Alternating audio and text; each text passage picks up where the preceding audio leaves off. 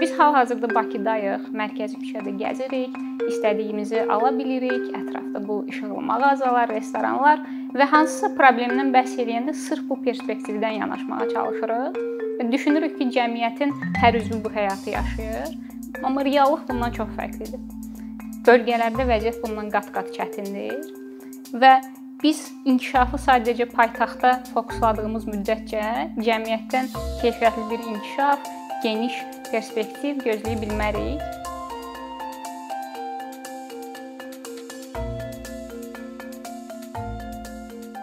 Kitabgəzər layihəsinin əsas məqsədi Bakıda resurslara əlçatan olan kütlə ilə bölgələrdə onların əksini yaşayan kütlə arasında bir körpü yaratmaqdır. Adından da bəlli olduğu kimi bizim ilkin məqsədimiz buradakı ikinci və yeni əl kitabları toplayıb bölgələrə aparmaq idi məktəblərlə birbaşa işləyirdik və yaxud gənclər mərkəzləri ilə, QHT-lərlə işləməyə çalışırdıq. Öz təşəbbüsü ilə bu kafe yaradan şəxslərlə işləməyə çalışırıq hələ də. Və burada məqsəd biraz fərqli idi. Məktəbin standart kitabxanasına aparıb kitabları vermək deyildi. Biz siniflərə daxil olurduq. Orda yeni bir kitab güşəsi yaradırdıq. Bizim məqsədimiz əslində həmişə uşaqlara deyirik ki, bəs sən təhsil almalısan, sən oxumalısan. Ailələrdə bu hətta paytaxtdakı ailələrdə də belədir. Sən təhsil almalısan, mütaliə yaxşıdır, telefon pisdir, amma valideyn özü telefonla oynayır, heç vaxt əlinə kitab almır. Bu bölgələrdə vəziyyət daha ağırdır. Çünki sən uşağa kitab oxu deyirsən, amma bu uşağın oxuyacaq resursu yoxdur. Sadəcə məktəb proqramına aid kitabları oxuya bilirlər. Sözsüz ki, məktəblərdə müəyyən kitabxanalar var, sadəcə fəaliyyətləri ə, kifayət qədər keyfiyyətli deyil. Bu səbəbdən də biz onlara sırf yeni ədəbiyyatdan, rəngli kitablar, onların diqqətini çəkə biləcək resurslar verməyə çalışırdıq ki, nümunə olsun. Sənin kitabın var və sən bunu oxusan, gələcək həyatını dəyişə bilərsən. Gələcəyi də onlara biraz göstərmək üçün rol modelləri seçərkən diqqət etməyə çalışırdıq. Çünki bu uşaqların ətraflarında kimlər var? Polislər var, sərhəd bölgəsinə yaxındırsa əsgərlər var, müəllimlər var və siz onlara sual verəndə ki, sən hansı ixtisası seçəcəksən, bu üç variantdan birini seçirlər. Maksimum həkim deyə bilərlər. Çünki bu onların ətrafında mühəndis yoxdur, iqtisadçı yoxdur, marketoloq yoxdur, nə olduğunu belə bilmirlər. Bu səbəbdən biz rol modelləri sırf müxtəlif sahələrdən seçməyə çalışırdıq ki, ixtisasları onlara göstərsinlər və hətta əvvəlki dövrdə həyatları çox çətin keçən şəxsləri götürməyə çalışırdıq ki, doğrudan da reallığı onlara göstərsinlər. Çünki sən çətin mühitdə olarkən bəhanələr formalaşdırmağa meylli olursan. Mənim həyatım çətindir, ətrafımda resurs yoxdur, amma qarşında bir nümunə olsa ki, məndən həyatı daha çətin bir şəxs sırf təhsil hesabına şəxsi inkişafa bu qədər yönəlibsə və yaxşı bir nöqtəyə gəlibsə, mən də həyatımı məhz təhsillə dəyişə bilərəm. Kitab gəzərdə əslində bizim bir neçə istiqamətimiz var. Biz 1 ildən artıqdır ki, fəaliyyət göstəririk və zaman keçdikcə, komanda böyüdükcə istiqamətlər genişlənməyə başladı. Bir məsələ də o idi ki, biz bəzi proqramları sırf ehtiyacdan yaratmağa başladıq. Məsəl üçün biz sırf kitabları bölgələr çatdırırdıq Bərdə və Ağdamda olarkən şagirdlərə peşə seçimi ilə bağlı suallar verməyə başladıq və aldığımız cavablar müxtəliflik 2-dən artıq olmadı. Biz artıq yolda qayıdarkən ağlımıza bir ideya gəldi ki, bu uşaqları mütləq biz Bakıya aparmalıyıq. Bu uşaqlar universitetləri görməlidir, bu uşaqlar şirkətləri görməlidir, rol modellərlə görüşməlidir, kitabxanalı kitabxanaları yerindəcə görməlidirlər və beləliklə kitabgəzər düşərgəsi adlı bir format yaranmış oldu. Və biz Bərdə, Ağdam, Tərtərdən olan məcburi köçkün ailələrindən olan uşaqları xüsusilə 9-11-ci sinif aralığında onları 3 günlük Bakıya səfərlərini təşkil etdik. Burada onları bir neçə universitetə apardıq, şirkətlərə apardıq. Məcburi köçkün ailəsindən olan vaxtilə hal-hazırda hansısa universitetdə çalışan və yaxud cəmiyyətdə kifayət qədər faydalı şəxs olan insanlarla görüşdürdük, kitabxanalara apardıq və s. Və məqsədimiz o idi ki, bu uşaqlara sadəcə başqa variantların olduğunu da göstərək. Hətta mən xatırlayıram biz bir universitetdə, texniki bir universitet idi. Orda laboratoriyada simulyasiya göstərirdilər uşaqlara. Uşaqlar arasında məktəbli qızlardan biri həmin simulyasiyanı görəndən sonra bizə səsli şəkildə birdən dedi ki, mən gələcəkdə mühəndis olmaq istəyirəm. Halbuki biz əvvəlcədən soruşmuşduq və o fortepiano müəlliməsi olmağa hazırlaşırdı. Və həmin saniyədə onun ağlına ən azından bir variant gəldi. O ixtisası seçəcəkmi, biz bunu gələcəkdə nəticəsini görəcəyik, amma ən azından həmin an sorğuladı və başqa variantın olduğunu görmüş oldu. Və düşərgənin məqsədi də elə bundan ibarət idi.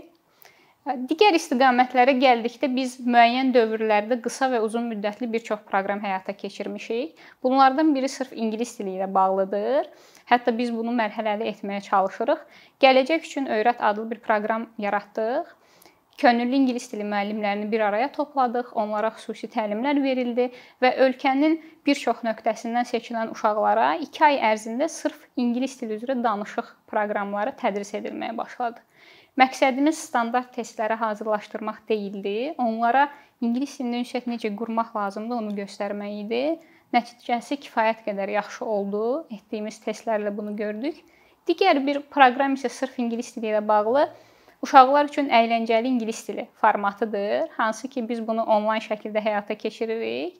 Burada isə məqsədimiz əslində məktəblərdə çox formallığa qaçılan təhsil sistemində problemə toxunmaqdır ki, dövr dəyişir, təhsil sistemi isə 20-ci əsrdəki sistemdə qaldığı üçün uşaqların diqqətini cəlb edə bilmirlər.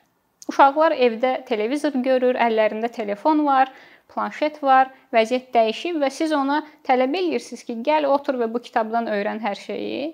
Təbii ki, o sıxılacaq və bunu eləməyəcək. Bu səbəbdən biz əyləncəli ingilis dili formatını hər şeyə gətirdik. Kitabgəzərin yaxın və uzaq fəaliyyət planında bir neçə nüanslar var. Hansı ki biz kitabgəzər düşərgələrinin bu dəfə formatını dəyişib Bakıdan bölgələrə getməyi fikirləşirik. Hansı ki təhsil mütəxəssisləri, ekspertlər onları biz aparacağıq kəndlərə, hətta formatını sırf çadırlar olaraq fikirləşirik ki, uşaqları ora cəlb eləyək, kitablar oxunsun və s. rol modellərlə öz mühitlərində tanış olsunlar. Başqa bir ideya isə səyyar kitabxananı formalaşdırmaqdır ki, müəyyən dövrlərlə kəndlər arasında gəzərək uşaqlara kitabxananın nə olduğunu göstərək. Çünki bəzi ucqar kəndlər var ki, orada ümumiyyətlə kitabxana yoxdur. Hətta bəzi kəndlərdə məktəb yoxdur. Onlar neçə kilometr gəlməli olurlar təhsil almaq üçün. Və bu ideya da sırf bu problemə toxunmaq üçündür. Bu yaxınlarda həyata keçirmək istədiyimiz başqa bir kampaniya sırf müharibə dövründə həyatını itirən məktəblilərlə bağlıdır ki, onların adına biz kitabxanalar formalaşdırmaq istəyirik öz məktəblərində. Buradakı məqsədimiz isə əslində insanlara göstərilən, hətta şəhidə göstərilən dəyəri təhsil vasitəsilə də ola biləcəyini göstərməkdir. Hansısa abidələrə külli miqdarda pul xərcləmək bir çarə deyil. Əksinə onun çox cüzi bir miqdarını xərcləyərək sən həm verdiyin dəyəri göstərə bilərsən, həm də ordakı digər məktəblilərə faydalı ola bilərsən. Yaxın mərhələdəki planlarımız bu yöndədir. Kitabgəzər kimi bir çox layihə var. Hal-hazırda bu çox sevindirici haldır. Hərçənd pandemiya və müharibə ölkəyə müəyyən təsirləri oldu mənfi yöndə, müsbət tərəfi oldu ki, vətəndaş cəmiyyəti kifayət qədər inkişaf etdi. Çünki insanlar öz aralarında paylaşmağın nə qədər dəyərli olduğunu öyrənməyə başladılar. Paylaşmağın dəyərli olduğuna mən çox inanıram. Çünki biz insan olaraq limitliyik. Öyrənə biləcəklərimiz bir yerə qədərdir və hər sahədə uğurlu olmamız mümkün deyil. Halbuki Fatma layihələrdə uğurludur. A şəxsi marketinqdə uğurludur və bu insanlar puzzle kimi bir-birini tamamlayaraq inkişaf etdirici addımlar ata bilərlər. Bu layihələrin də məqsədi sırf ondan ibarətdir ki, biz bu qədər bölgələrə gedirik, könüllü fəaliyyət göstəririk. Məqsədimiz sırf kitab çatdırmaq deyil, vizual şəkildə könüllü fəaliyyəti insanlara göstərməkdir. Biz ora getdikdə sadəcə 5 yaşlı, 6 yaşlı bir uşağa təsir etmirik. O uşağa tədris edən müəllimə də təsir göstəririk, hətta biz o məktəbə aparan sürücüyə də təsir göstəririk. Çünki davamlı şəkildə suallar verirlər. Nə üçün bu kitabları gətirmisiniz? Doğrudanmı bizdən heç bir ödəniş almayacaqsınız? Bəs bu fəaliyyət nə üçündür? Və sorğulamağa başlayırlar. Şərt deyil ki, həmin adam o anda sənin etdiyin iş etməyə başlayacaq. Ən azından könüllü fəaliyyətin nə olduğunu öyrənmiş olacaq. Ən azından paylaşmağın dəyərini xatırlamış olacaq. Və ən azından sorğulayacaq ki, bu insanlar bunu edirsə, mən nə üçün etmirəm? Və yaxud nə üçün onlar edir? Ola bilər ki, biz neqativ də reaksiyalar alırıq, müsbət də reaksiyalar alırıq, amma neqativ reaksiyanın tək səbəbi o deyil ki, bu adamlar sizi günahlandırmağa çalışır. Bir səbəbi də odur ki, bu insanlar bu fəaliyyətlə tanış deyil. Və sən onları tanış etdiyin müddətcə onlar artıq gələn dəfə daha müsbət yöndə baxmağa başlayacaqlar. Və mən fikirləşirəm ki, əgər gələcəkdə mən sırf özümün yaşamaq istədiyim bir cəmiyyəti görmək istəyirəmsə, inkişaf etmiş, o kəndlərdəki uşaqların inkişafı üçün də çalışmalıyıq. Rayonlardakı insanların da sadəcə paytaxt fokuslu layihələr, fəaliyyətlər etməklə ümumi ölkənin inkişafını təmin etmək mümkün deyil.